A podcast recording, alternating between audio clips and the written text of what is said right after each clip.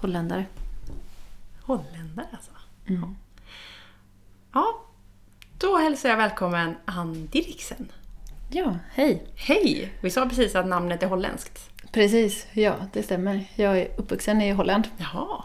och flyttade till Sverige när jag var 16 tillsammans med mina föräldrar. Och då fick jag faktiskt min första häst. Redan Så, då? ja, de, Ja. Lock, de lockade hit mig med ett löfte om en häst. Med häst. Eh, Härligt. Och Ja. vi är hemma hos dig och vi är lite söder om Trollhättan. Precis, ja. Och eh, vi ska prata om relationsbaserad träning Precis. idag. Ja, Och det håller du på med. det håller jag på med. Ja. Men jag tänkte du kan få berätta lite om dig själv först. Eh, ja, här bor jag då på min gård tillsammans med min man och mina barn.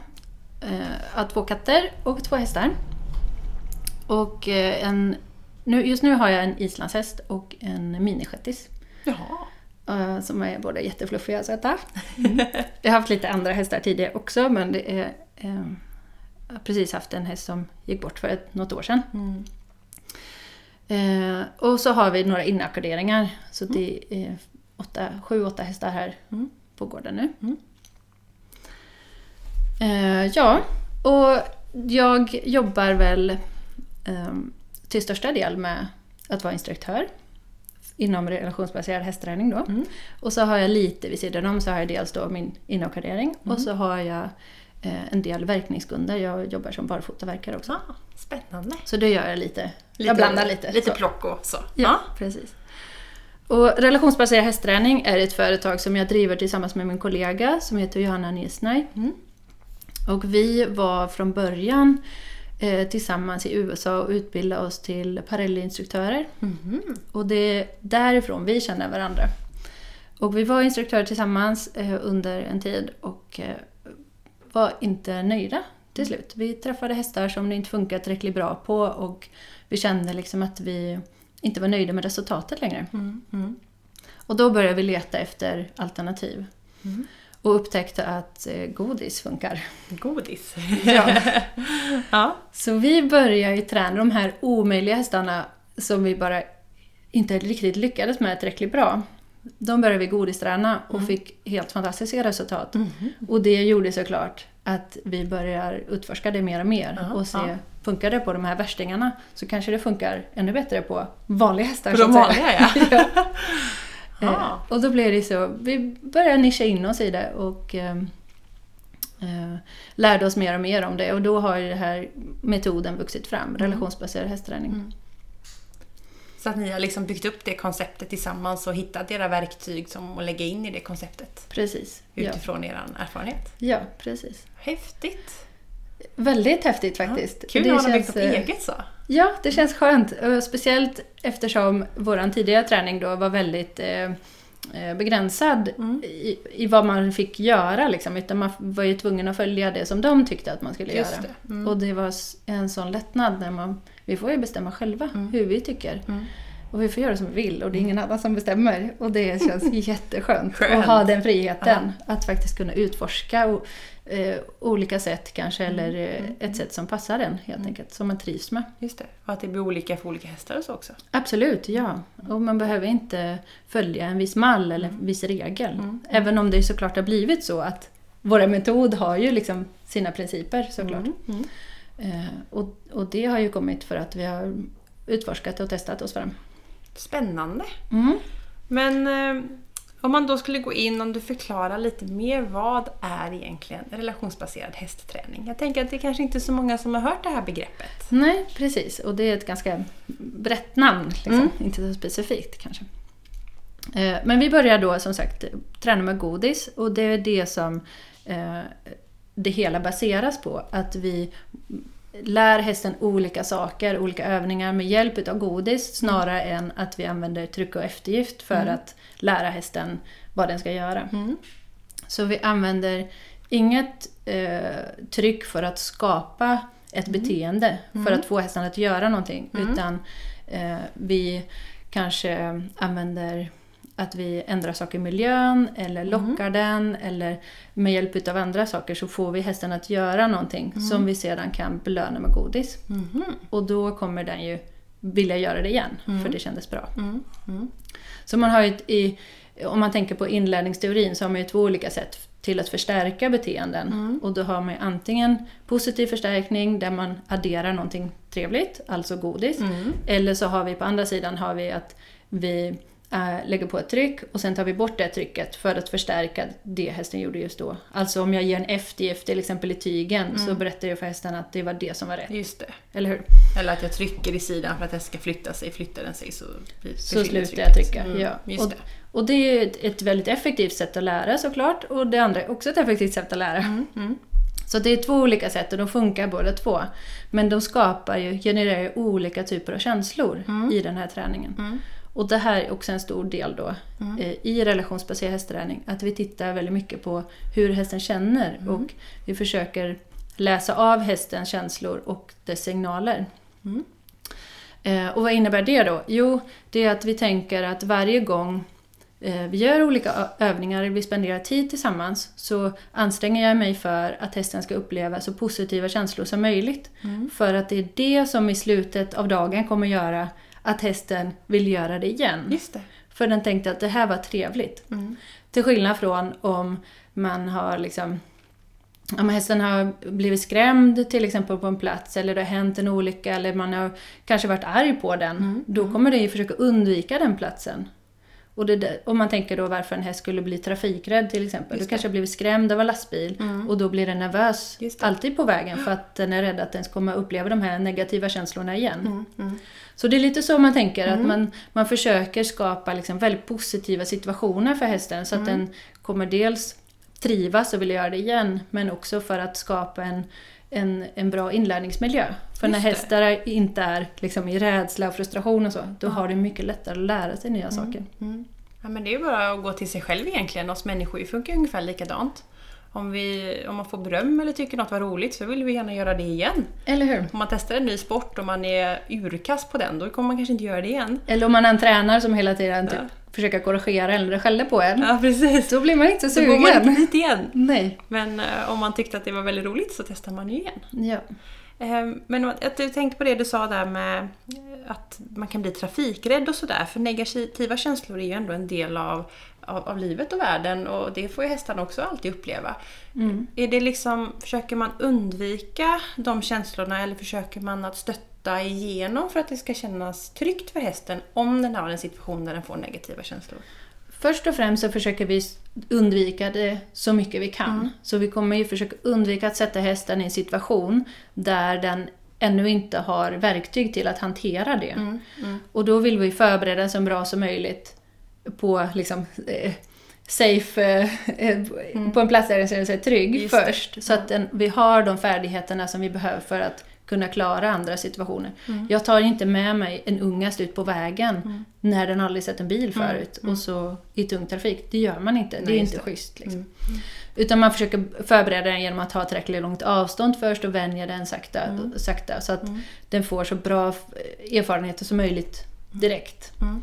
Eh, sen är det såklart att vi inte alltid kan styra vad som händer i vår miljö. Nej, Saker kan dyka upp helt plötsligt så står det här vildsvinet mitt på vägen och så hoppsan, vi hade inte tränat på vildsvin. Nej, det är inte så lätt att träna på det heller. Nej, faktiskt inte. Men vi kan ju generellt sett ha tränat på massa olika signaler som jag behöver då. Till exempel, då kan jag ha tränat på typ en stoppsignal. Eller jag kan ha tränat på andra saker som hästen upplever som läskig. Så speciellt om man har en nervös häst så kan man verkligen eh, ha det som ett tema lite grann i sin träning. Att man vänjer sig hästen vid massa nya olika saker i lagom, lagom intensitet. Så att hästen kan kä- känna att åh, nya saker, det är någonting jag klarar av.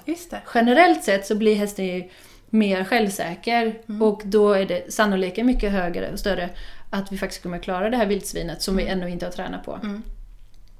Det är ju jätteintressant. Och det känns som att väldigt hästens känslor är i fokus här.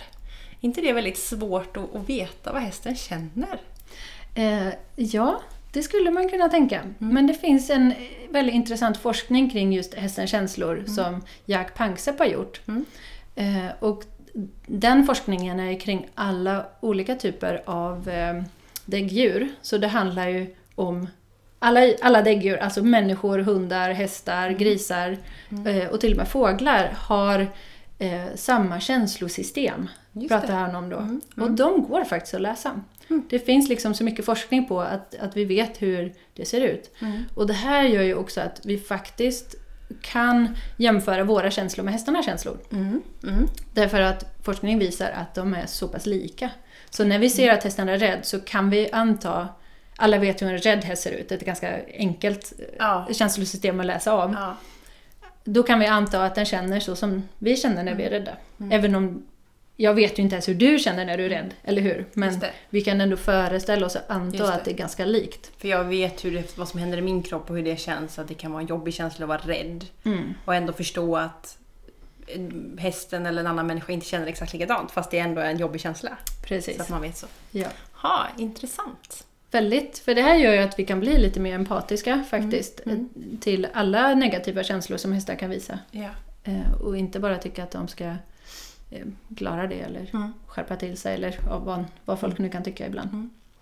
Och innan vi började spela in lite här så pratade vi massor och då sa du lite att eh, det här tänket är nästan lite tvärtom. Eh, Ja. Att, eh, ja, att man liksom ska vända på det och titta på hästen och inte på mig kanske så. Men är den här typen av träning, är det något för alla? Kan alla väva in sån här träning i sina olika discipliner? Eller är det mer en, en livsstil? Jag skulle säga att det kan vara både och. Mm. För mig är det såklart en livsstil och för många av våra elever är det det. Mm. Att man liksom gör detta till 100%. Just det. Men det finns också en del människor som, ehm, som börjar med att ta lite av den här träningen en viss, en viss del av sin vardag med hästen eller för att lösa ett specifikt problem. Mm. Och därifrån kanske eventuellt kan man ha det i fler situationer eller så väljer man att bara ha det i en, en specifik situation. Mm. Eh, Det kan man göra. Mm. Det som är viktigt då, eh, som vi också börjar prata om, det är att om vi börjar ge hästen godis så behöver vi träna den så att det blir en trevlig upplevelse för båda. Just det. Så speciellt då om vi inte alltid använder godis, men bara ibland, så är det väldigt viktigt för hästen att, vara, att veta när den, Mm. eh, så att den kan förvänta sig eh, rätt saker Mm. och inte behöver bli frustrerad. Mm. Så om vi tänker då man börjar godisträna och sen helt plötsligt slutar vi, men hästen förstår inte riktigt det. Då kan vi få det. det här som folk tycker är ett tiggbeteende. Mm. Mm. Jag skulle vilja kalla det för tjat. Ja, att hästen tjatar på mig. Ja. Så att när vi har lärt hästen någonting med godis, vi har gett den godis för några grejer, vad det nu kan vara, säg att vi har lärt den eh, nosa på en grej. Mm. Eller skrapa med hoven, det är kanske en bra idé. Mm. Eh, vi har lärt den att skrapa hoven, vi tycker att det är en rolig grej att lära hästen. Mm. Eh, det funkar väldigt bra, hästen har lärt sig. Mm. Och sen när vi kanske står i stallgången och inte längre vill godisträna, så börjar hästen skrapa med Ja. hoven för att tjata. ja, just det. Om jag gör det här för godis då? Precis, Mm. och då kan vi tycka att hästen är lite dum eller vi kanske till och med vill bestraffa hästen för det, alltså slå den för det eller liksom putta på den. Mm. Fast häst, för hästen vet ju inte när den ska få och när den inte ska Just få det. och när det här är ett lämpligt beteende och när det inte är det. Just det. Så det här är verkligen någonting vi behöver titta på. Så att det här är inte ett tiggbeteende utan hästen tjatar på dig, frågar snälla kan vi träna på det här viset, det här tyckte jag var kul. Mm. Mm. Mm. Så att, det, även där att vi försöker vara lite empatiska mot det och förstå varför hästen gör som den gör. Mm. Snarare än att vi tycker att den är dum. Liksom. Mm. Mm. Ja, jag förstår att det är mycket godis i det här och, och det är ju en fälla att gå in och vi, vi har pratat lite om att man kan bli ett godismonster som häst. Ja. Och det är ju inte så himla roligt. Ehm, och det känner man själv också. Ibland kan man komma till någon häst och så blir den liksom helt pufflig och kör ner i fickan. Och, fast jag aldrig behöver godis så sett. Fast Ja. det vet ju inte den, för den vill ju ha ändå. Precis. Men eh, ni använder mycket godis i era träning. Och målet är att hästen ska få positiva känslor och må bra. Ja. Och tycka att det är roligt att träna. Det är det liksom grunden i relationsbaserad hästträning. ja, det är det. Och sen kan vi ju prata om det i, i tre dagar till såklart. Men det är absolut grunden. Det, Ja. Vi går in där. Mm. Och vi, vi kan väl säga också att, att eh, det, för oss är det väldigt viktigt, eller för mig är det väldigt viktigt att hästen tycker att det är roligt det vi gör. För om hästen till exempel inte vill ha mig på ryggen Mm. och inte vill att jag ska sitta på den, då gör jag inte det. För jag tycker inte det är kul att sitta på en häst som egentligen inte vill ha mig där. Ja, som helst vill göra någonting annat. Mm. Eh, utan jag, för mig är det så viktigt, för min glädje, Mm. att hästen också tycker att det är roligt och säger ja till saker och ting. Mm. Och vill erbjuda, Mm. erbjuda och be mig att hoppa upp snarare än Mm. att den gör det för, för att det måste. Ja, just det. Mm. För att det är det som ska ske. Eller så. Precis. Och det är ju verkligen någonting man kan ha nytta av i alla discipliner. Mm. Att man har en häst som vill och tycker att det är roligt. Eller hur? Ja. Det är ju väldigt bra. Och att man försöker tänka på det. Vad upplever min häst? Mm. Och hur kan jag göra det lättare, och tydligare, Mm. trevligare Mm. för min häst?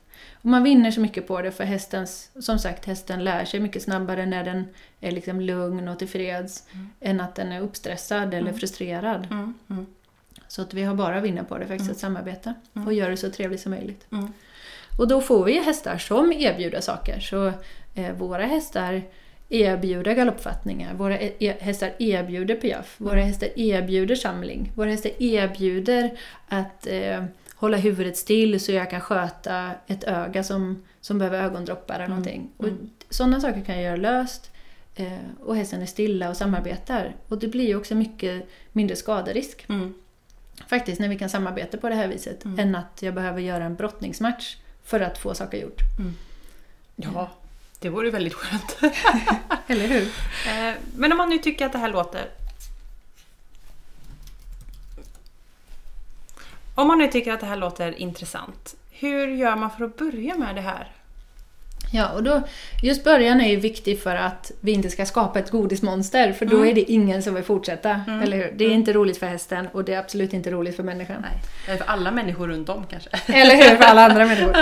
Så att det som vi absolut inte ska göra är att springa till närmaste hästaffären och köpa sockerbomb eh, godispåsar. Mm. Utan vi behöver börja med en belöning som är ganska lågvärdigt. Mm. Någonting som inte är hypergott. Ja, just det. Det är trevligt men inte så här wow. Precis. Mm. Och vad det exakt är, det beror lite på hästen. Så Mm. jag skulle rekommendera, börja först och se, kan jag belöna med en liten tuss med hö? Mm. Jag kan ha en liten påse på mig eller så kan jag ha eh, vi har ju såna här godisväskor Aha. och jag har en ganska stor sån som jag kan trycka i en massa hö och så får den en liten tuss.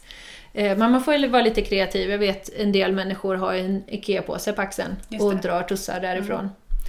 Om hö inte funkar så kan man se om, om det funkar med lucernhack till exempel. Mm. Om inte det funkar så kan man gå och testa morotsbitar eller Mm. olika typer av pellets. Mm. Som man får kolla vad det finns. Mm. Eh, vissa använder höpellets som också är ganska... Ja, de är inte så söta, de är inte jättegoda. Men det är ändå smidigt, smidigare än hö kanske. Ja, precis. Det tar inte så stor plats. Precis. Så man får se lite. Och vissa hästar vill inte göra någonting förutom för jättegoda pelletsar. Och andra hästar blir hyperaktiva av pellets. Mm, Och då mm. får man ju byta ner sig. Mm. Mm. Ja, så det tycker jag, val av godis är jätteviktigt. Mm. Och sen får man ju börja med ett ganska tråkigt beteende. Alltså börja inte med spanskritt eller eh, puss i ansiktet eller någonting sånt. För det kommer man inte stå ut med att hästen sen kommer tjata med. Ja, just det. Kommer hela tiden. Du, puss, puss, puss. Precis. Kan jag Och, få godis nu? och då kommer vi bli frestade till att liksom putta på den Mm. och, och bestraffa det fast egentligen tjatar hästen, alltså frågar hästen Ja. kan, vi inte, kan vi inte göra det här? Mm. Så då vill jag välja någonting väldigt, väldigt eh, tråkigt liksom, som jag står ut med att min häst gör Mm. jättemycket. Mm. Så därför brukar de flesta börja med att stå still med huvudet rakt fram. Mm. Som ett standard tjatbeteende. Det känns jättetråkigt. Eller hur?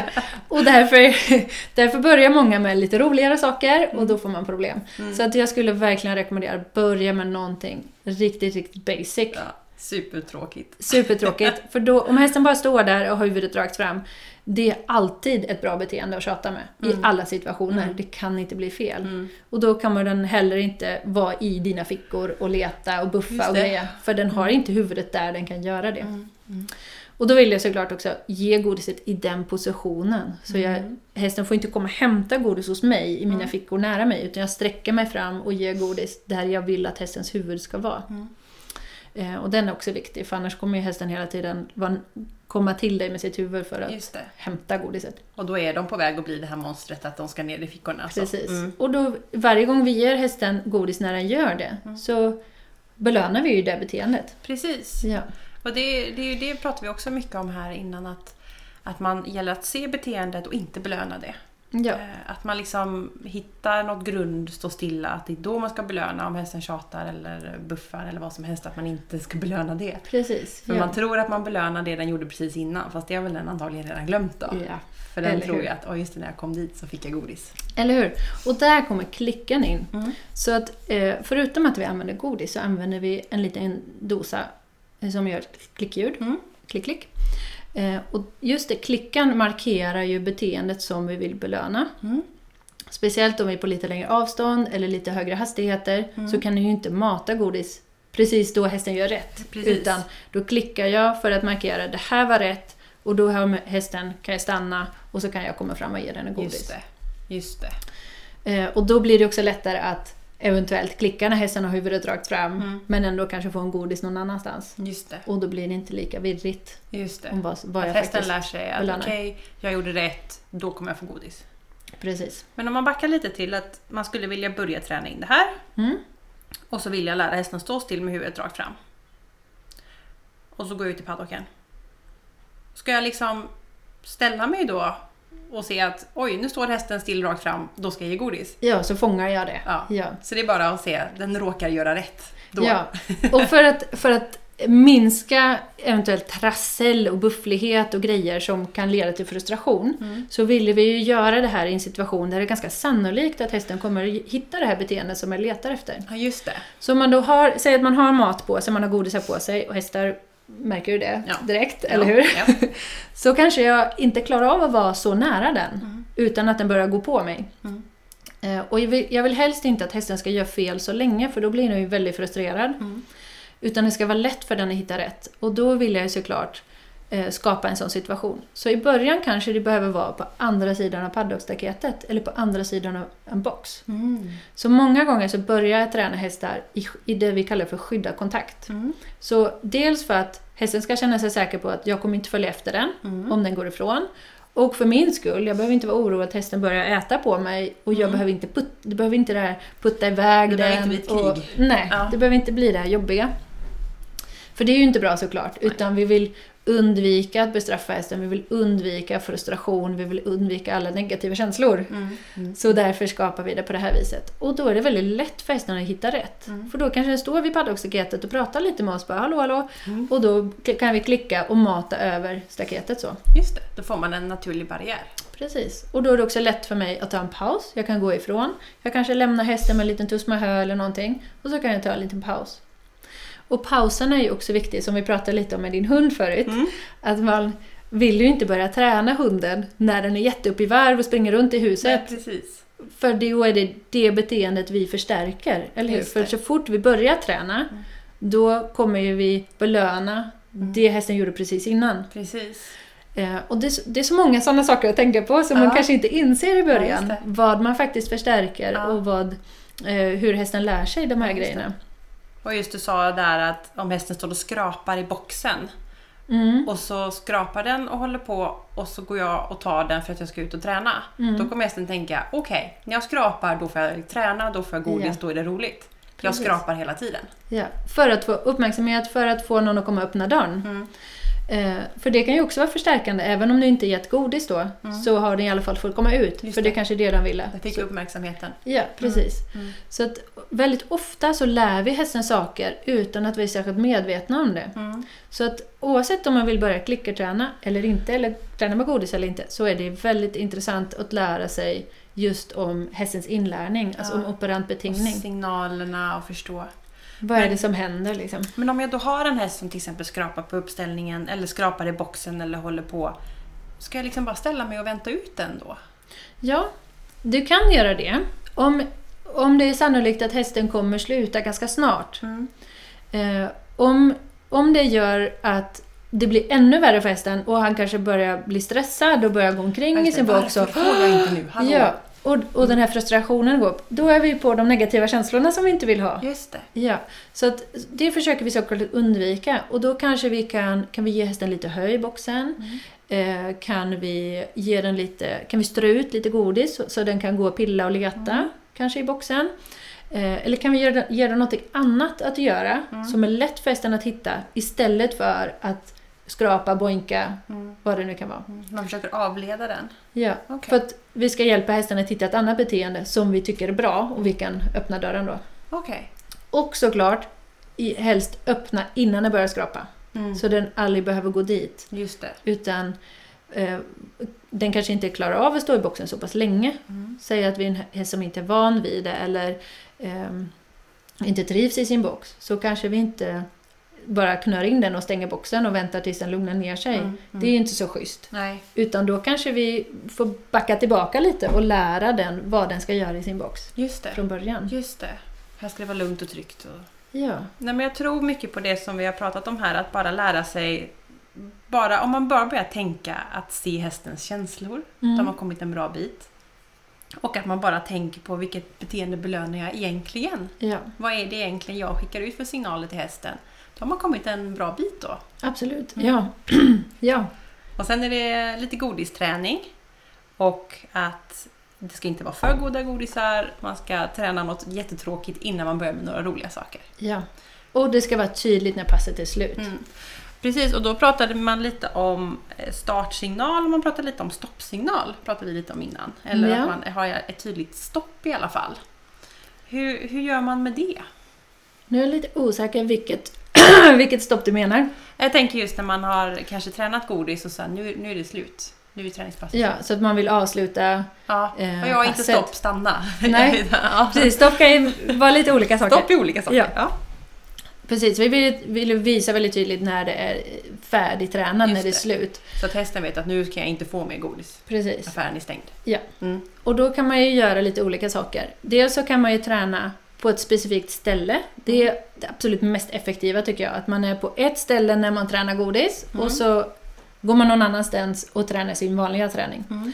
Det kan också vara att när hästen är lös, då tränar vi med godis. När hästen har grimma på sig så är det slut. Mm. Det kan vara att jag har godisväska på mig. Jag tar bort godisväskan så är det slut. Mm.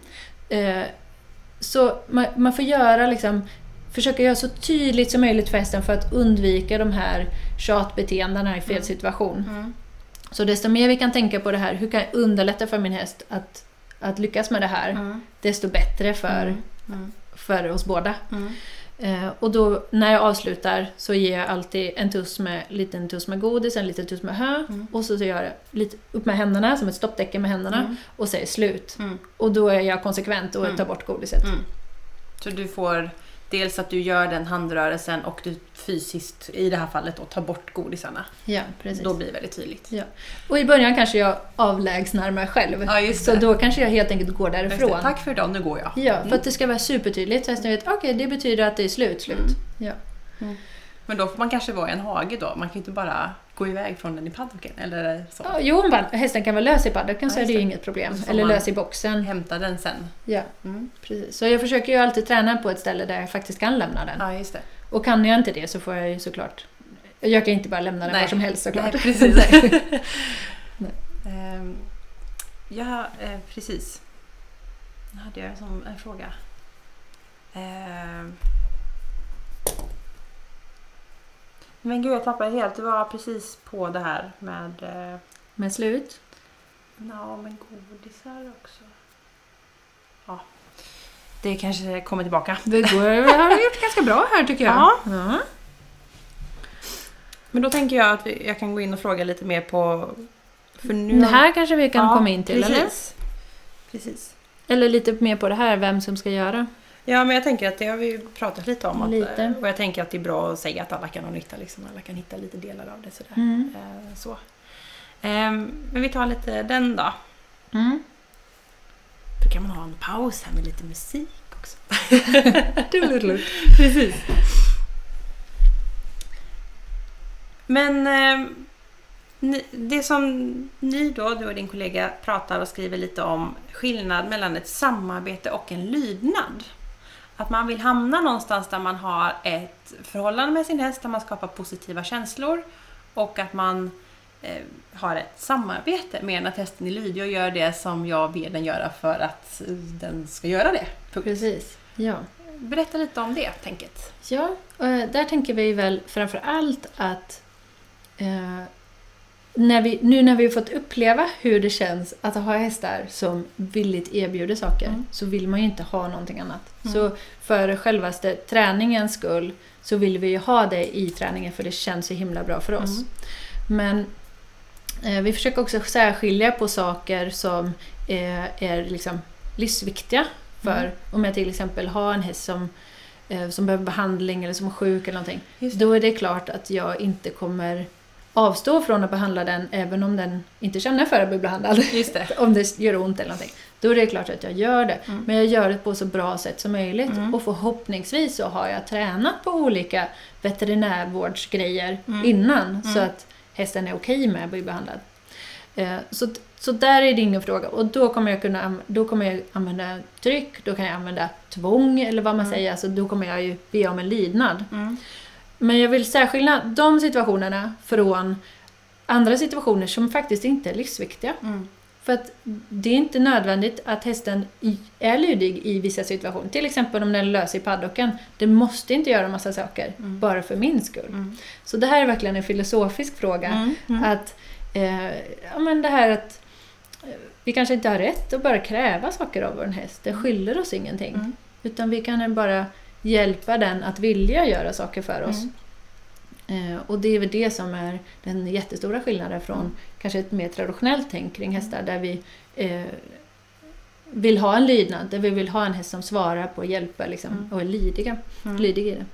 Och det här betyder inte att hästen bara får välja fritt och göra som den vill. Mm. Det är inte så att vi, jag går ut i skogen och min häst bara kan dra iväg med mig. Det. Hej då! Det funkar inte så. Nej, utan jag kan absolut hindra den från att göra saker som kan vara farliga. Det är Mm. klart jag inte låter min häst springa ut på en väg till Mm. exempel. Det, då hindrar jag den. Men jag försöker ju skapa situationer där den kan lyckas, där jag inte behöver hamna i sådana här situationer. Mm. Är jag i en sån situation, då gör jag vad som helst för att hålla mig själv och min häst säkra. Mm. Mm.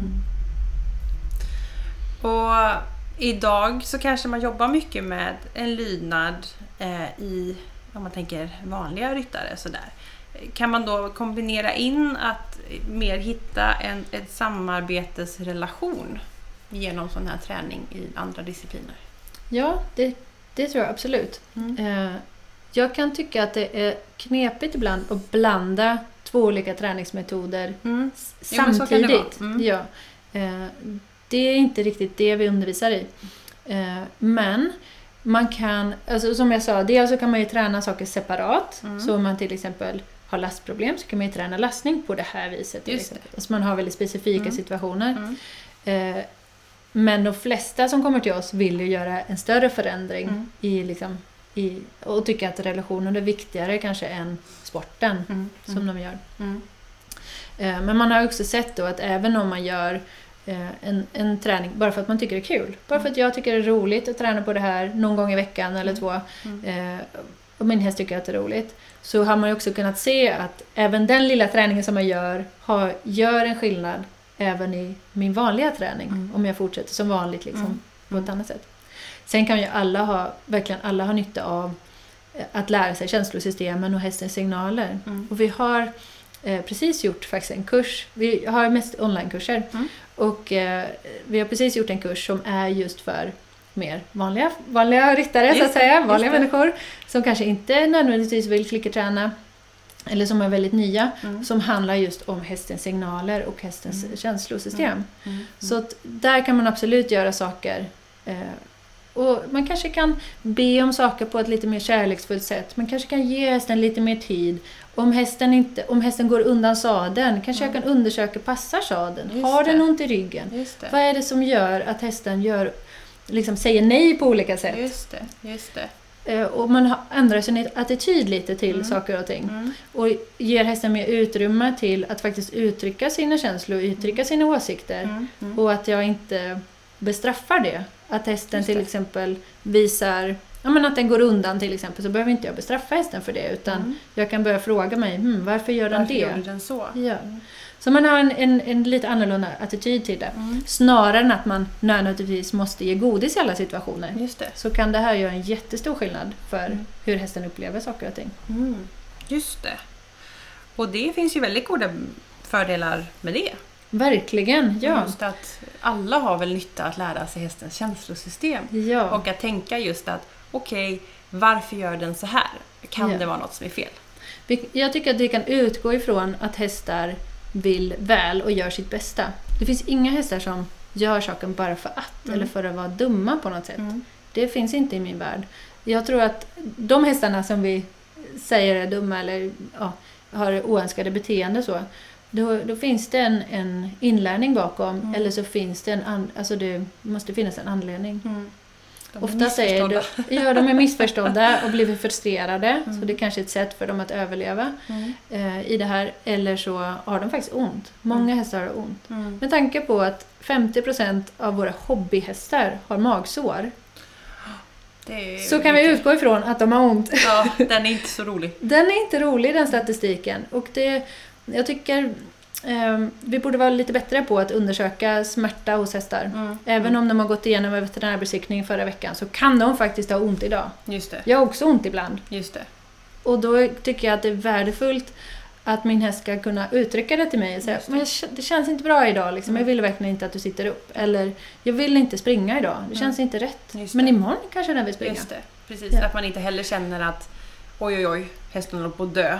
Eh, för att den kanske har ont eller jag måste åka Absolut och betala inte. 100 000 till veterinären. Nej. Utan att det kanske också kan vara som en dålig dag. Absolut, så kan det vara. Men jag tycker att det är vår skyldighet att faktiskt undersöka saken. Mm, Eh, mm. Så att vi inte ber hästen att göra massa saker fast den har ont. Det vore fruktansvärt. Nej, det, fy. Ja, och det tror jag är ganska vanligt tyvärr. mm, Mm. det är viktigt. Då tänkte jag gå över och fråga lite mer på vad, vad, vad tränar ni? Vad gör du egentligen Ja. med dina hästar? Lite mer specifikt kanske. Precis. Ja. Eh, vi är nog väldigt kända för eh, va- vardagsträning. Mm. Alltså, vi har väldigt mycket eh, i våra kurser kring just Alltså hur får vi vardagen att vara trevlig? Hur Mm. kan vi få vanliga situationer eh, att göra snarare Mm. än liksom, cirkuskonster? Ja. Inte för att det på något sätt är dåligt, det kan man absolut göra. Speciellt, alltså, oftast tycker både människor och hästar att det är väldigt roligt att göra sådana saker. Ja. Så det är absolut inget fel på. Men eh, jag gillar liksom att få in det här i vardagen så vi får en trevlig vardag. Just det. Eh, och sen det vi gör mycket det är att vi pratar om eh, hållbarhet. Mm. Så en stor del av vårt intresse ligger i att vi vill ha hållbara, välmående hästar som Mm. kommer leva länge Just och det. Kommer orka bära oss och som kommer liksom må bra rent fysiskt. Och det är nog många som vill ha det. Eller hur? Vem är inte intresserad av det? Det är lite Ja. sådär, man kan inte säga... Alltså man kan ha som mål att jobba med en hållbar, glad häst. Det är svårt att säga att jag jobbar tvärtom, alltså mot en trasig och ledsen häst. Det Eller kan man hur? inte säga. Nej, precis. Och alla tycker, tänker lite olika kring det här kanske. Mm. Eh, och vår vinkling ligger ju såklart i då klickerträningen. Mm. Så hur kan vi få hästen att själv välja eh, rörelser som gynnar den? Hur Just kan det. vi, vad kan vi göra för olika typer av övningar som är bra för den? Så att den, Och vad tycker den är roligt? Och vad skulle den vilja göra igen? ja. Mm. Eh, och där är klickerträning otroligt effektiv därför att vi får en häst som själv väljer att göra de här Mm. grejerna. Och då är sannolikheten att det kommer in spänningar och sådana saker mycket mindre Just det. än om vi eh, mer eller mindre eh, tvingar den till att göra vissa rörelser. Då kan Mm. det ju lätt bli liksom att det finns ett litet motstånd eller Mm. då kanske hästen inte väljer att göra det själv sen Mm. efter vi har tränat. Mm. Och det här är ju också intressant att man tittar, eh, när man tränar hållbarhet på det här viset så ser vi också att hästarna, de andra 23 timmarna när vi inte är där, Mm. väljer att röra sig på ett mer eh, gynnsamt sätt för den. Just det. Just det. Så att det blir en hållbarhet över hela dygnet snarare Mm. än bara när jag är där och coachar den till hur den ska Precis. röra sig. Ja, det är svårt att konkurrera om jag tränar hästen en timme per dag hållbart och konkurrera med 23 timmar dåligt. Eller hur? Den är inte så Faktiskt. enkel. Nej. Och då kan man ju tänka att om en häst står i en liten eh, grusruta och sen gör ingenting, Mm. och så, eller står i en box. Och då är det klart att den, när jag kommer, den enda tiden där Mm. den faktiskt rör sig korrekt, då har man ju verkligen eh, mycket jobb att göra. Ja, då sitter Ja. man lite i hörnet så att säga. Ja. Utan. Det, man kan ju verkligen dra nytta av eh, miljön omkring. Och Just vi har ju så fantastiska marker här i Sverige eh, som oftast är kup- kuperade och vi kan Mm. kanske ha stora hagar. Eh, I alla fall delar av året. Mm. Och det tycker jag verkligen vi ska dra nytta av. Mm. Så att kan vi fodra liksom i andra sidan hagen. Mm. Så att de får röra på sig i hagen. Just så man får gratis. Mm. Jag gillar sånt. Hela tiden hitta små lösningar i vardagen. Precis, ja. Eh, Men om man tittar lite mer specifikt, när du har den här timmes träningen då med Mm. din häst, Ja. inte de 23 andra timmarna, ja. och du vill träna hållbart, vad gör du för övningar då? Eh, Det finns en massa olika saker man kan göra såklart. Mm. Eh, Men det som är en ganska lätt övning till exempel, det är att stå på en, en matta som är lite instabil. Aha. Så jag kan be min häst att gå upp på den här mattan, när jag borstar den eller när jag gör något annat eller bara för att. Mm. För att jag lär den att stå där. Mm. Och på mattan, när den väl är bekväm att stå på mattan, så kan jag till exempel be den att böja sitt huvud i li- lite olika lägen. Ja. Så jag får en viktskiftning och jag Just får det. de små musklerna i kroppen Mm. att aktiveras. Mm. Mm. Eh, Det är en ganska foolproof övning att börja Just med. Den, just den är svår att misslyckas med. Och det där är lite likt för eh, ni lyssnar säkert lyssnat på ett avsnitt för några veckor sedan med eh, Vivica Evert som pratade om hästrehab. Och då Just pratade vi om vibrationsplatta. Mm. Att just, och det var, hon berättade om väldigt mycket forskning just att stå på vibrationsplatta och att den också kan vicka lite just, Just för att det. hästen inte ska kunna bara stå på höger bak utan den måste Ja. stå på vänster också. Ja. Och att det är just de små muskulaturerna och att det är just väldigt mycket forskning som visar att man får den effekten också. Ja, jätteintressant. Mm. Kul. Eh, absolut. Jag har ingen sån platta. Nej. Men en sån matta kan vi köpa på IKEA. Mm. Eh, och det kan ju vem som helst lägga i sin paddock och greja med. Kul! Det ska vi lägga upp en bild på också. Ja, det kan jag visa er sen. Bra. Eh, Så det kan vara ett exempel. Det kan ju också vara det att jag övar på eh, veterinära procedurer. Okej. Så om vi nu tänker på att hästens välfärd är mitt främsta mål i Mm. den här träningen. Mm. eh, Så kan vi också se att jag behöver kunna behandla den då om den är sjuk, som vi pratade om förut.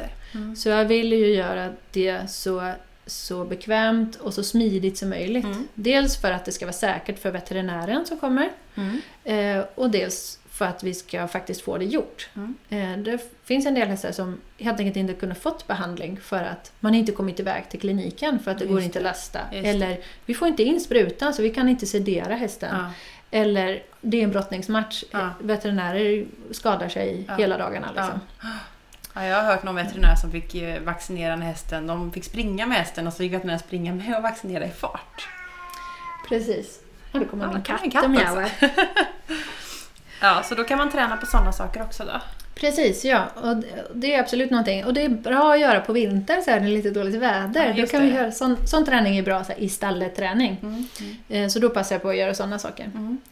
Annars så rider jag ut mycket Mm. med min islandshäst. Mm. Jag tycker det är väldigt skönt att vara ute i skogen. Mm. Och det gör han med. Han Mm. älskar nya stigar. Ja. Så vi försöker, jag har en väldigt stor skog här och eh, vi försöker hitta nya stigar så mycket det bara går så att han tycker att fortfarande att det är Ja. kul. Ja.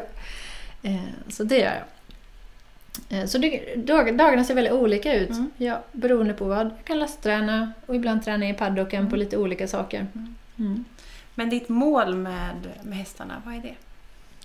Är det att ha en bra relation och trivas ihop? Ja, det här tycker jag är en svår fråga Mm. att svara på. Därför att jag har nog inget så här, åh det här längtar jag efter och då kommer jag bli lycklig. Utan jag känner att jag redan är där. Mm.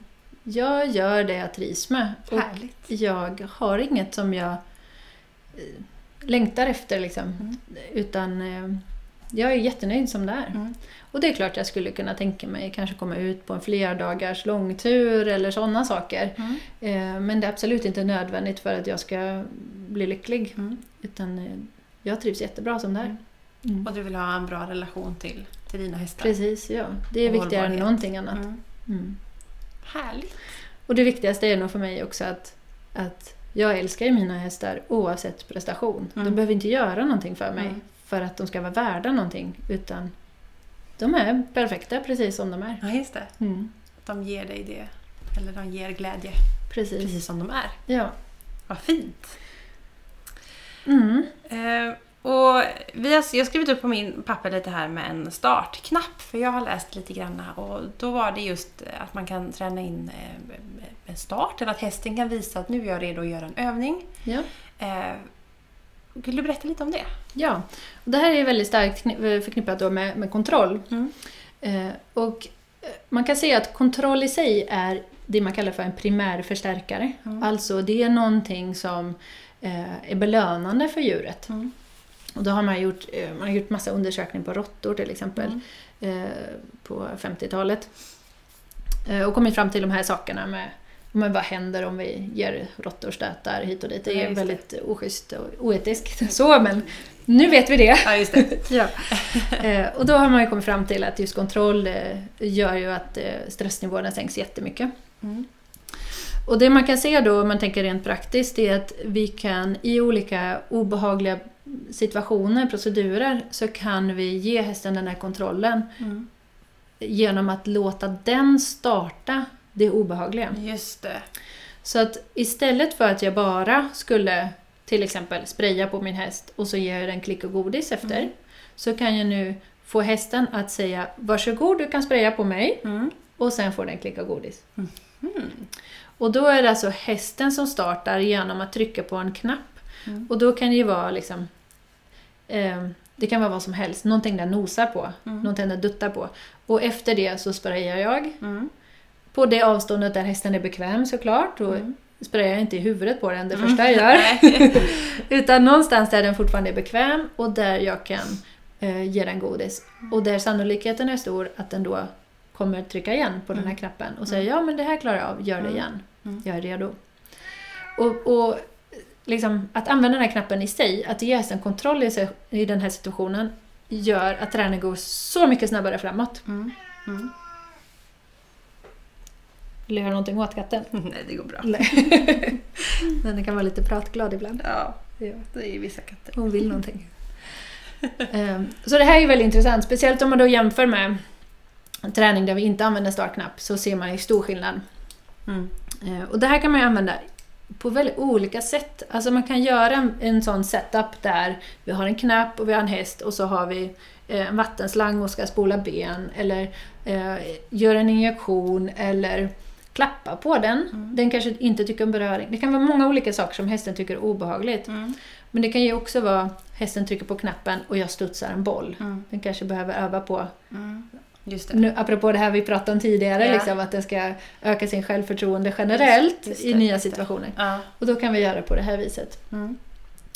Eh, och man kan också använda, så förutom att vi har den här knappen som är så lite artificiellt, eller vad säger, lite tekniskt så, så kan vi också se det som att hästen kan ge oss ett beteende för att starta. Mm. Och då tänker jag till exempel, om jag ställer mig på en uppsittningspall, om hästen då kommer till mig Mm. med sadelläget, Mm. då kan det vara en startknapp. Just det. Eller Typ ett välkommen startbeteende. hoppa upp. Precis, varsågod hoppa upp, det är Mm. okej. Och skulle den låta bli det, då hoppar jag inte upp. Mm. Utan först får hästen säga varsågod, här är min rygg. Mm. Eh, det kan ju också vara eh, att jag ställer mig för att lyfta en hov. Mm. Och så ställer jag mig där och väntar, jag drar inte i den. Mm. Eh, men jag förväntar mig att hästen ändå har gjort hovlyft förut så den vet vad, vad jag syftar på. Liksom. Ja. Eh, och då väntar jag på att hästen skiftar vikten lite åt sidan Mm. på det andra benet Mm. för att kunna lyfta just det benet där jag står. Och då kanske jag tar min hand på benet och hästen lyfter upp. Så att jag ber inte om det förrän det faktiskt är lätt för hästen att svara ja på min Ja. fråga. Och det där är ju lite typiskt just det där att att det, eller i alla fall har jag nog gjort det lite omedvetet, att man ändå har ställt sig där, kanske tagit handen lite på och så väntat på att hästen ska få flytta över och sen så Mm. börja och då kan jag fånga hoven liksom på Ja. väg upp. Istället för att jag börjar dra i en hov där all vikt är på Ja. och så kanske häst- hästen lyfter och så ramlar den nästan omkull. Ja. Det första den gör, den måste flytta andra hovar för att hålla balansen. Ja. Och det är ingen trevlig känsla. Nej, och det blir ju inte bra för någon. Nej, eller, hur? så. Ja. Det blir lite jobbigt. Så sådana saker kan man ju också baka in, om vi nu går tillbaka till lite av, av den här attitydförändringen som Mm. kanske alla kan dra nytta av. Mm. Då skulle man ju också kunna göra det Mm. att jag, ger min häst lite mer tid. Kan jag hålla upp tränset eller grimman och vänta tills min, huf, min häst sänker huvudet lite mot den och sen ta på den. Mm. Istället för att hästen lyfter huvudet upp istället och jag försöker knö på det där uppe i luften. Mm. Men om man tar det exemplet då, just med tränset sådär, att det kan vara lätt att hästen tar upp huvudet. Betyder det då att den inte vill bli tränsad? Definitivt. Och hur kan jag göra för att den ska vilja bli tränsad och att hästen, om jag bara håller upp det, kommer hästen verkligen förstå att jag vill att den kommer ner med huvudet? Eller Nej, kommer den titta på mig som jag är en idiot? Och den kan säga nej tack och så händer inget mer, eller hur? Och då måste vi eh, sänka kriterierna. Mm. Alltså vi måste plocka isär det här beteendet. För i det stora hela, då säger hästen nej till det. Så hur kan jag göra det lättare för den? Mm. Okej, kan jag börja med att lära hästen att hålla ner sitt huvud lite grann. Mm. Och så kan jag klicka och ge godis för det. Mm. Kan jag sen lägga tyglarna över, hals, över halsen på den. Och hästen har fortfarande huvudet där. Mm. Klicka för det. Eh, Har jag en signal då för att huvudet ska vara nere? Först, man kan ju fånga det beteendet så att säga, för någon gång kommer hästen sänka sitt huvud. Just det, och då belönar man beteendet. Precis, ja. Mm. Så den kan du vänta på. Du behöver inte göra så mycket, utan du kan vänta på det. Och klickar man för det tillräckligt många gånger så kommer ju hästen göra det för så. att tigga. Ja, Eller precis. hur? Fast att- helt okej. Jag Det är sänker huvudet. Precis. pussa. Det är också ett bra beteende att börja med faktiskt. Ja, Sänka huvudet. Ja. Och då kan jag lägga över ty- tyglarna. Mm. Eh, skulle hästen höja huvudet då när jag börjar lägga tyglarna, Mm. då kanske jag måste plocka det i mindre bitar. Då kanske jag bara behöver lyfta händerna bredvid huvudet på den och se om den klarar det. Och då kan vi tänka att och när hästen lyfter huvudet, då avbryter jag. Mm. Då säger man okej, då var det för mycket för dig. Mm. Om hästen håll- håller huvudet nere, då tar jag det som en startknapp eller startbeteende. Att okej, men då kan jag fortsätta. Då kan jag testa vidare. Ja, och då kan jag få den här jättetrevliga situationen, eller kommunikationen, Mm. där jag frågar och hästen kan ställa, svara Mm. både ja eller nej utan att det får en dålig konsekvens, eller en Mm. negativ konsekvens, när den säger nej. Just eller hur? Så det. om den lyfter hu- huvudet så kommer inte jag slå den Nej, för det. Utan För du kommer inte trycka på tränset ändå, för du Nej. väntar på att hästen ska få landa in i precis, situationen. då tänker jag bara okej, då måste jag göra det ännu lättare för dig. Mm. och göra det så pass, så pass litet så att hästen faktiskt klarar av det. Mm. Och har hästen problem med ett, med ett bett, börja inte med tränset utan börja med en grimma. Kan man göra grimman, kan man plocka isär, kan man bara kan man ta bort eh, nosgrimman eller gör, alltså underlätta för hästen Just på något det. sätt. Så att det Skala blir, bort. ja, man kanske bara sätter på, ett, på självaste huv, eh, vad heter det, Ja, huvudstycket, bakstycket, bakstycket.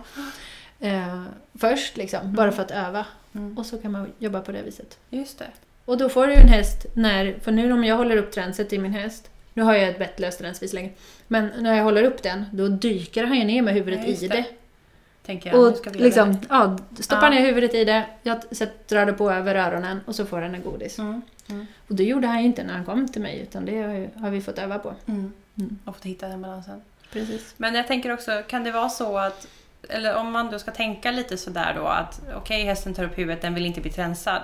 Betyder det att den inte vill bli riden då? Eller vill den bli riden fast kanske på ett annat sätt? Det skulle kunna Eller vara så. behöver jag liksom, om jag nu kommer över tränsnivån, att det går bra, jag tränar på det, kommer ut i paddocken eh, och kanske har något problem med ridningen eller vid hoppning eller sådär. Att, det- ska jag, är det där jag måste börja då? Hur gör jag då? Kan jag klicka när jag rider?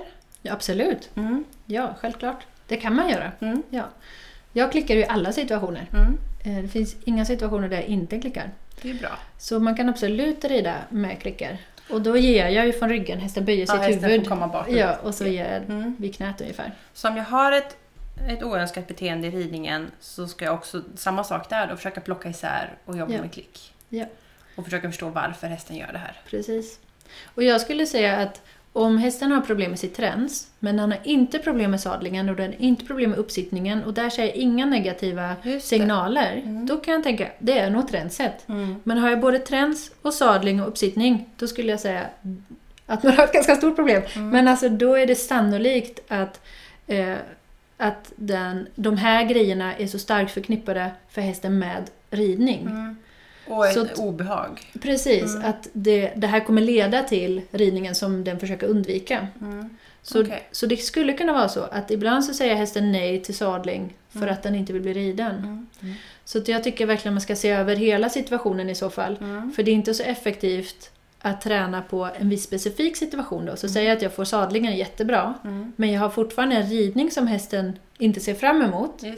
Då kommer det förstöra lite av min träning Just så att säga. Det känns lite ja. bortkastat. ja, och då kommer inte den träningen vara särskilt effektiv. Mm. Då kommer man märka, och det är samma sak om vi tränar när hästen fortfarande har ont någonstans. Mm. Då kommer man märka, vi kommer ha en häst som blir frustrerad, vi kommer ha en häst som blir tveksam. Mm. Så den kommer liksom ta ganska lång tid på sig innan den säger ja till saker. Mm. Ett, eh, varningstecken. Mm. Eh, och den kanske går ifrån ibland, den är inte med riktigt, Mm. den känns tveksam. Liksom. Mm. Eh, och visar de här negativa signalerna. Till exempel uppspärrade ögon, Mm. ihoptryckt mun, Mm. huvudet upp, Mm. eh, väldigt mycket tugga och slicka, Ja. mycket gäspa. Alla de signalerna är ju inte positiva. Mm. Inte gäspa heller. Inte gäspa heller. Utan Då det tänker man ändå, det är en alltså, jag gäspar ju när jag är avslappnad. Eller. Eller hur? Mm. Ja, men det här klassas som en lugnande signal. Mm. Så det finns en väldigt intressant bok som är skriven av Rachel Dreisma Mm. eh, som heter Calming Signals. Okej. Eh, och den, för alla som är intresserade av just hästens signaler så rekommenderar jag den starkt. Mm. För den visar liksom alla lugnande signaler, stresssignaler som hästar visar. Mm. Eh, och gjort en forskning kring det. Eh, och för att se liksom, vad betyder de här signalerna och Mm. hur, kan vi, hur, hur ska vi läsa av det. Mm. Jätteintressant.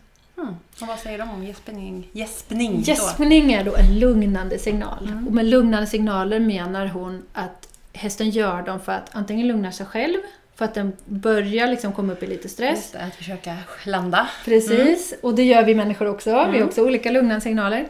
Eller för att lugna det som är omkring den. Mm. Så den kanske, och riktigt syftet med det, det är lite omdebatterat Mm. och det kan jag inte riktigt svara på. Mm. Men den visar absolut de här tecknen när den börjar komma upp i stress. Mm. Men även när den börjar komma ner i stress. Mm. Så för att lugna sig efter mycket stress så Just kan det. man också se det. Eh, och det här, de här grejerna är också med i den här första kursen som, Mm. som heter Hästen, känslor och signaler. Så Mm. har vi flera avsnitt om just Mm. det här. För att För vi tycker att det är så viktigt ja, för Ja. att människor ska kunna läsa de här grejerna Ja. eh, på ett bra sätt. ja, just det. För kan vi läsa de här små signalerna som hästar har, då, då kan vi oftast undvika eskalerade situationer där hästen liksom exploderar Ja, eller utagerar på något sätt och det blir en väldigt jobbig, farlig situation. Just det. Eh, Så kan vi läsa de här små signalerna så kan vi ha en trevlig konversation Ja, tillsammans det. istället för att behöva skrika på varandra. Ja, just det. Ja, det där, men det där är ju väldigt klassiskt att om man lär sig se signalerna innan hästen blir stressad och stegrar som ett monster. Mm. För då, det är klart att har du, har du ingen koll på att hästen börjar bli stressad eller nervös och plötsligt så står den på bakbenen eh, och du flyger i grindskaftet, då blir Mm. det ingen bra situation. Mm. Men om man då i så fall kan se innan och kanske ska jag avleda då och försöka att bara kom tillbaka till mig, lita på mig. Ja, Eh, man går inte vidare då. mm. Alltså, om min häst visar de här tecknen så går inte jag vidare och gör någonting utan jag tar hand om det först. Mm. Eh, Jag går inte längre hemifrån eller jag fortsätter inte rida utan jag kanske backar tillbaka och gör Mm. någonting simplare och ser om det avtar igen. Just det. Och tar hand om det så, så Mm. att säga. Så Mm. Att man berättar för hästen att jag ser dig, jag ser vad det är. Eller att, att du är bekymrad på något sätt. Mm. Mm.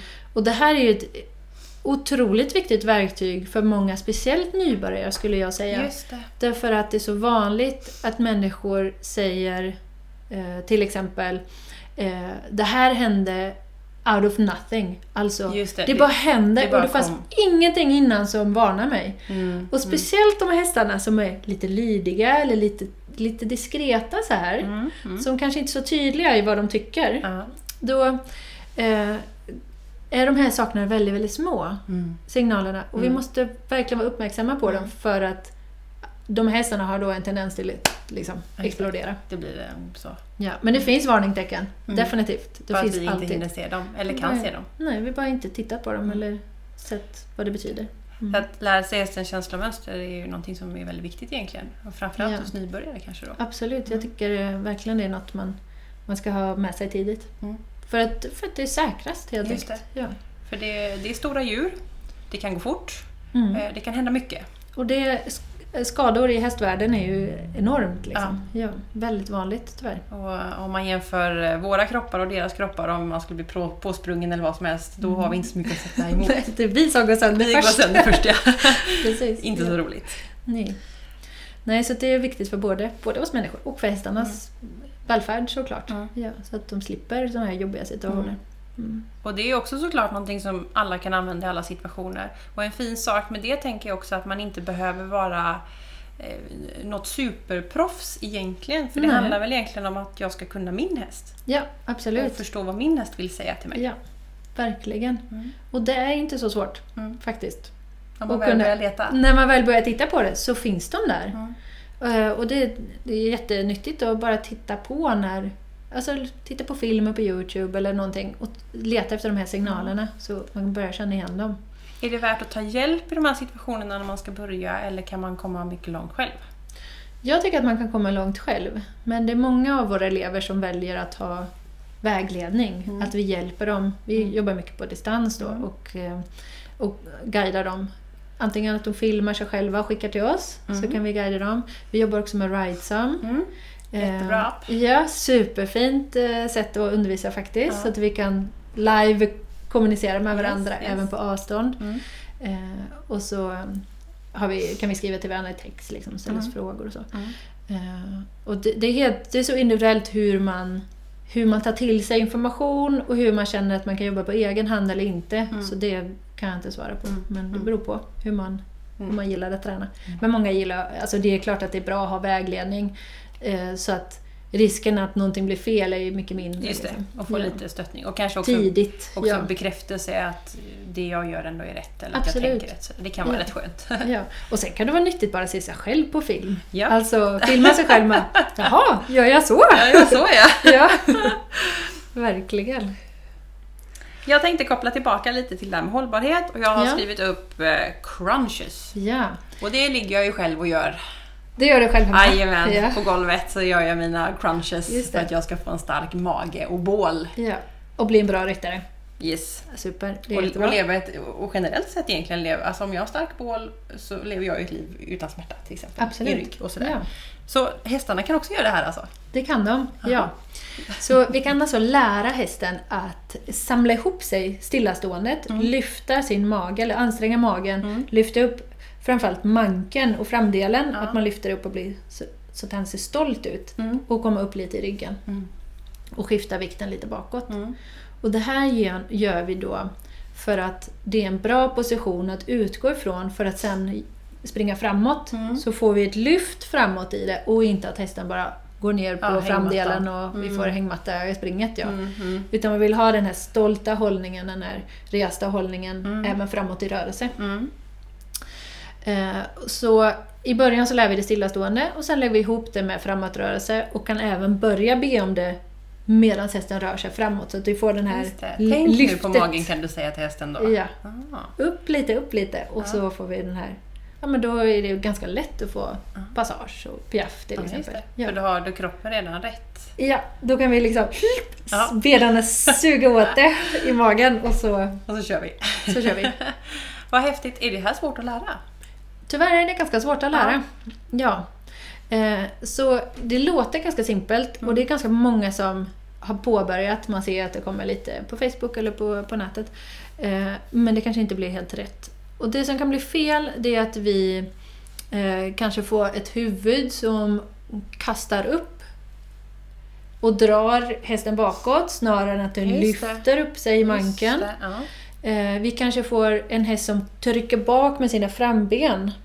Ja, Så att det. den så liksom att den trycker, trycker på ifrån. fram istället Ja. för att bära bak. Precis, Mm. istället för att lyfta upp. Och då får vi den här viktskiftningen bakåt som, man, som är ganska tydlig att se och folk då klickar för. Eh, men då får vi inte heller riktigt rätt rörelse. Så att, att hitta verkligen rätt rätt rörelse Mm. är ganska svårt. Och vi gör ju det genom att shapea. Alltså, vi börjar med att belöna det minsta lilla åt det hållet. Mm. Och så vill vi hela tiden ha lite mer, lite mer, Just lite det, mer. Ja. Så det är en shapingprocess. Men vi kan också använda olika andra verktyg för att få mer rätt. Till exempel kan vi använda eh, en target, då, någonting som hästen duttar på med sin hake. Mm. För att liksom få in huvudet lite mer i den position som vi tycker kan hjälpa den. Ja, just det. Eh, vi kan också stå på den här mattan som vi pratade om tidigare. Mm. För många hästar lättare att hitta det när de står på mattan för då får de ju redan lite det här ostabila. Ja, just det. Så att de själv automatiskt måste stabilisera sig själva. Precis, ja. Och av någon anledning så blir det lättare för dem att hitta det. Mm. Vi kan också använda oss av eh, eh, en kombination av olika rörelser så att vi kanske eh, går lite konstig terräng, stanna och göra lite hållbar hållning, Mm. eller crunch. Mm. Eh, stå lite på mattan och gör de här böja halsen-övningarna. Mm. Eh, med, med hjälp av target kanske, att man lockar hästen i den positionen med eh, någonting den ska nosa på. Mm. Och sen be om crunches igen. Så det gäller att man inte fastnar och blir för mycket på en typ av korrekthet i den här övningen. För då blir det en spänning i det. Då blir den liksom inte äkta, eller vad man ska säga. Mm. Utan man vill gärna få hästen att hitta det själv och locka fram det. Och det är väl det som kräver en del skicklighet helt enkelt för att det verkligen ska bli rätt. Det är ingen övning man ska börja med. Jag tycker faktiskt inte det. Börja med att stå still, huvudet rakt fram och sen Precis. sänk huvudet. Ja, precis. Sänk huvudet för ett rensning. Eller Just något det. annat så här. Ganska vardagligt, simpelt. Mm. Eh, och sen kan man absolut testa på det här. Men känner man att mm, jag får nog inte riktigt till det. Eller det känns som att det inte blir bättre så är det bra att man ber om hjälp. Så inte hästen gör någonting som inte alls är bra för kroppen för den. Just det. Till exempel. man. Fast man tänker att man gör någonting för hästens skull så blir det Mm. tvärtom. Jag tänkte fråga lite om det här med att man, du säger liksom att man kan titta lite åt sidorna sådär och så kan man liksom belöna det. Men hur visar du till hästen vad du vill göra? Eller, för det kanske lätt blir att man belönar, liksom, nu gjorde hästen rätt så belönar jag. Men att hästen vet den verkligen vad den ska göra? Eller chansar hästen? Och, eller visar du vad du vill? Ja, eh, det är klart att vi har olika typer av signaler så att hästen vet vad det är den ska chansa på. Mm. eh, Annars blir det väldigt förvirrande kanske. Alla blir väldigt många olika saker det skulle kunna göra. Så att vi har ju signaler i miljön. Mm. Så om, som till exempel om jag står vid pallen så behöver jag inte säga någonting eller Mm. göra någonting utan det i sig är en signal som hästen bara ah, okej, du vill nog säkert hoppa upp. Mm. Eh, så det kan ju vara olika saker i miljön. Mm. Men det kan ju också vara eh, en target. Mm. Så att jag har då en, en pinne med en liten boll på änden som jag har lärt hästen att nosa på. Mm. Och då kan jag få eh, en viss hållning med huvudet. Men jag kan också be den att gå framåt Mm. och komma, komma till bollen i olika hastigheter och så. Mm. Så det kan ju vara lite istället för att jag har ett ledrep. Mm. Så har jag targeten här. Mm. Man kan ju också targeta olika kroppsdelar. Så jag kan till exempel hålla vid höften och då kan jag få en sluta till exempel. Just det. Så då kan jag få be höften att komma in och så har jag min sluta. Men då är det den punkten på höften som betyder det här. Ja, precis. Om, om min position, jag går, kanske back, jag går baklänges och står vid, vid huvud och då kanske jag håller upp min target i luften där och så vet den att är den Okej, då så gör jag så. Precis. Så känner jag också, jag tömkör mycket. När jag står i en viss position och gör på ett visst sätt, då gör hästen automatiskt Eller hur? det jag vill att den ska göra. Ja. Det är, det är alltid någon som frågar, hur tusen får du en skäggevikning? Jag är lite sådär, ja, jag gör typ så här. Men det är som du säger, det är hela situationen. Min position, eh, sättet jag håller och sättet jag liksom rör mig. Så förstår jag vad den ska göra. Precis. Ja, och så, och så skapar man ju sitt eget lilla språk tillsammans. Så det är inte helt säkert att någon annan ska kunna komma och rida vid min häst då och göra exakt rätt. Men du kan kanske inte förklara exakt vad du gjorde. För det, för det, sitter- det sitter i kroppen. Och lite så kan det också. Att man har ju sina egna sätt att röra sig på och så här som svarar på. Eh, Vi har target, vi har, grejer. Och sen har vi också eh, verbala signaler. signaler. Så jag kan till exempel säga nosa, nosa. Eh, Eller jag kan säga pröv, till exempel. Eller, eller trava, trava eller något annat. Så det har, det har olika verbala signaler. Som stilla, stilla. Till exempel om jag vill pilla, pilla någonting, i ansiktet dem. Eller jag ska knäppa eh, tränset. Då vill man röra på sig lite. Och då har, jag lärt mig att hålla still, still, stilla, stilla. Och så kan jag knäppa, och så klicka, så klicka när jag står still. Då var det värt. Då var det värt. Och så, och så. Precis, precis. Ja, men det här är det är det jag ska göra. Just det. Och när man lyfter, man lyfter varv, varv, lyft, lyft, eller, eller eh, inkallning, man kan läsa deras namn. Så man kan ju få in en del sådana verbala signaler också. Men det är verkligen, verkligen inte jag, jag upplever att hästar har lättast för att ta som signal. Utan jag, utan jag, jag tycker man upplever att de har lättast att ta min, min position och, och ett target, target som, mm. som någonting som synligt mm. reagerar, reagerar mot det lättare, lättare på än ljud. ljud. ljud, Ja. De är inte, de är inte riktigt lika ljud... Eh, Djur är ju inte lika lika ljudkänsliga. Alltså, alltså exakt kommer, kommer lite, lite noggrannare på djur och djur. Eller hur man tittar anatomiskt på oss. Eh, Och det, det roliga är när vi, vi ska avrunda snart, men vi ska faktiskt gå ut och filma lite för, för Youtube. Då ska du visa lite taget tror jag. Ja, det kan jag göra. Eh, Så att eh, när ni lyssnar färdigt på det här, in på Hästpoddens Youtube-bana. Så ser ni lite så. Så får vi se lite. Då tänkte jag ta den avslutande frågan. Vi har pratat om godis, godismonster och hur man kan göra för att inte vara det. Och att godis är jättebra för träning för att det går fort och det är enkelt och hästarna blir glada, positiva känslor. Yes. Men om jag nu vill ha godisträning, kan jag ge godis lite spontant sådär för att hästen råkar vara lite extra söt då? Eller är det dumt? Jag tycker nog att det är ganska dumt. För det är så vi kan få den här förvirringen kring när är det träning, när är det inte träning. Vad förväntar jag, förväntas hästen att göra? Eh, Så om man använder godis i alla situationer, då kan man absolut ge godis för att hästen är söt. Eh, Och det kan vara svårt att låta bli också när man Ja. har ett minikortis. Men om du inte gör det och du har en häst som har tendens till att bli bufflig, frustrerad, Ja, just så tycker jag att man ska vara väldigt, väldigt konsekvent. Mm. För hästens skull också. Just Faktiskt. Så att man slipper den här frustrationen kring det Mm. och den här tveksamheten. Mm. Att hästen börjar bli orolig Ja. eller fundersam. Och det finns ju en risk att man kanske slutar träna med godis bara för att man inte kommer förbi Just den det, fasen. Det blir ohållbart Ja, ja. i relationen. Mm. Ja. Jag förstår. Härligt! Men eh, vilket eh, avsnitt det blev. Eh, tack så jättemycket för att du ville komma hit. Om man skulle, eller jag fick komma till dig. Ja. Eh, Men du, fick, du ville vara med i podden här, det var Ja. fantastiskt kul. Om man skulle vilja komma i kontakt med dig eller din kollega, eh, hur gör man då? Vi har en hemsida som heter relationsträning.se. Mm. Vi finns på Instagram. Och vad heter ni där? Eh, relationsbaserad hästträning. Yes. Sen finns det en Facebookgrupp som heter relationsbaserad hästträning. Och en Facebook-sida som heter relationsträning.se. Mm. Eh, Så där kan man ställa frågor och man kan komma i kontakt med oss eh, om man skulle vara intresserad eller behöver hjälp på något sätt. Mm.